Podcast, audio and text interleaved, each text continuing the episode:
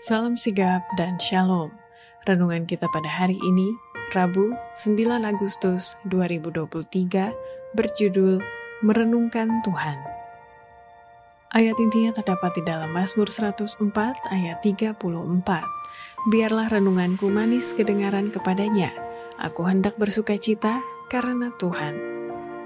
Pena Inspirasi menuliskan yang dimaksud dengan judul renungan kita pagi ini, Merenungkan Tuhan, adalah sebuah panggilan kehidupan yang praktis agar kita senantiasa menunjukkan kesenangan dan kesenangan-kesenangan sebagai faktor yang menunjang kebahagiaan sejati dan sarana untuk memulihkan hubungan kita secara vertikal kepada Tuhan dan horizontal dengan sesama sebagai berikut.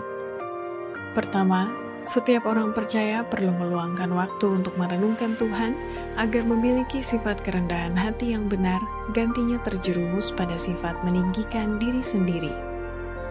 Pada waktu kita merenungkan salib itu, kita disanggupkan untuk melihat persediaan ajaib yang diberikannya kepada setiap orang percaya. Allah di dalam Kristus, jika dilihat secara benar, akan meratakan sifat meninggikan diri dan kesombongan manusia tidak ada lagi sifat meninggikan diri sendiri, tetapi akan ada kerendahan hati yang benar. Kedua, setiap orang percaya perlu meluangkan waktu untuk merenungkan Tuhan agar pikiran kita bisa dikendalikan oleh Kristus, sehingga kesombongan dan cinta dunia ini akan hilang kuasanya. Jika kita izinkan pikiran kita lebih banyak tinggal dalam Kristus dan dunia surgawi, kita harus mendapat rangsangan dan dukungan kuat untuk berjuang dalam peperangan Tuhan.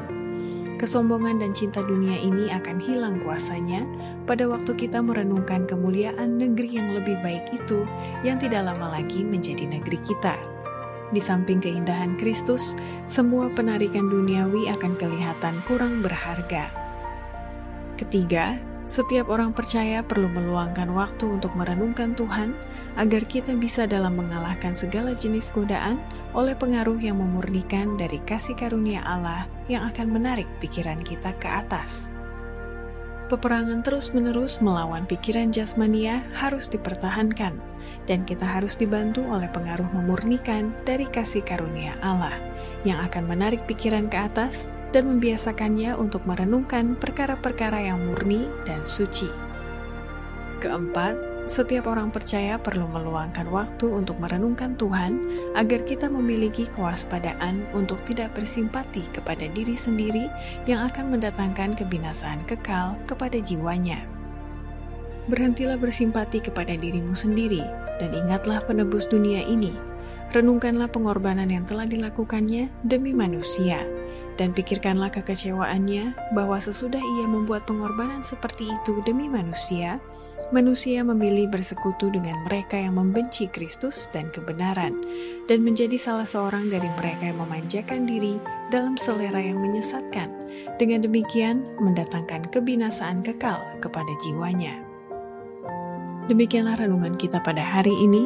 Kiranya Tuhan memberkati kita semua.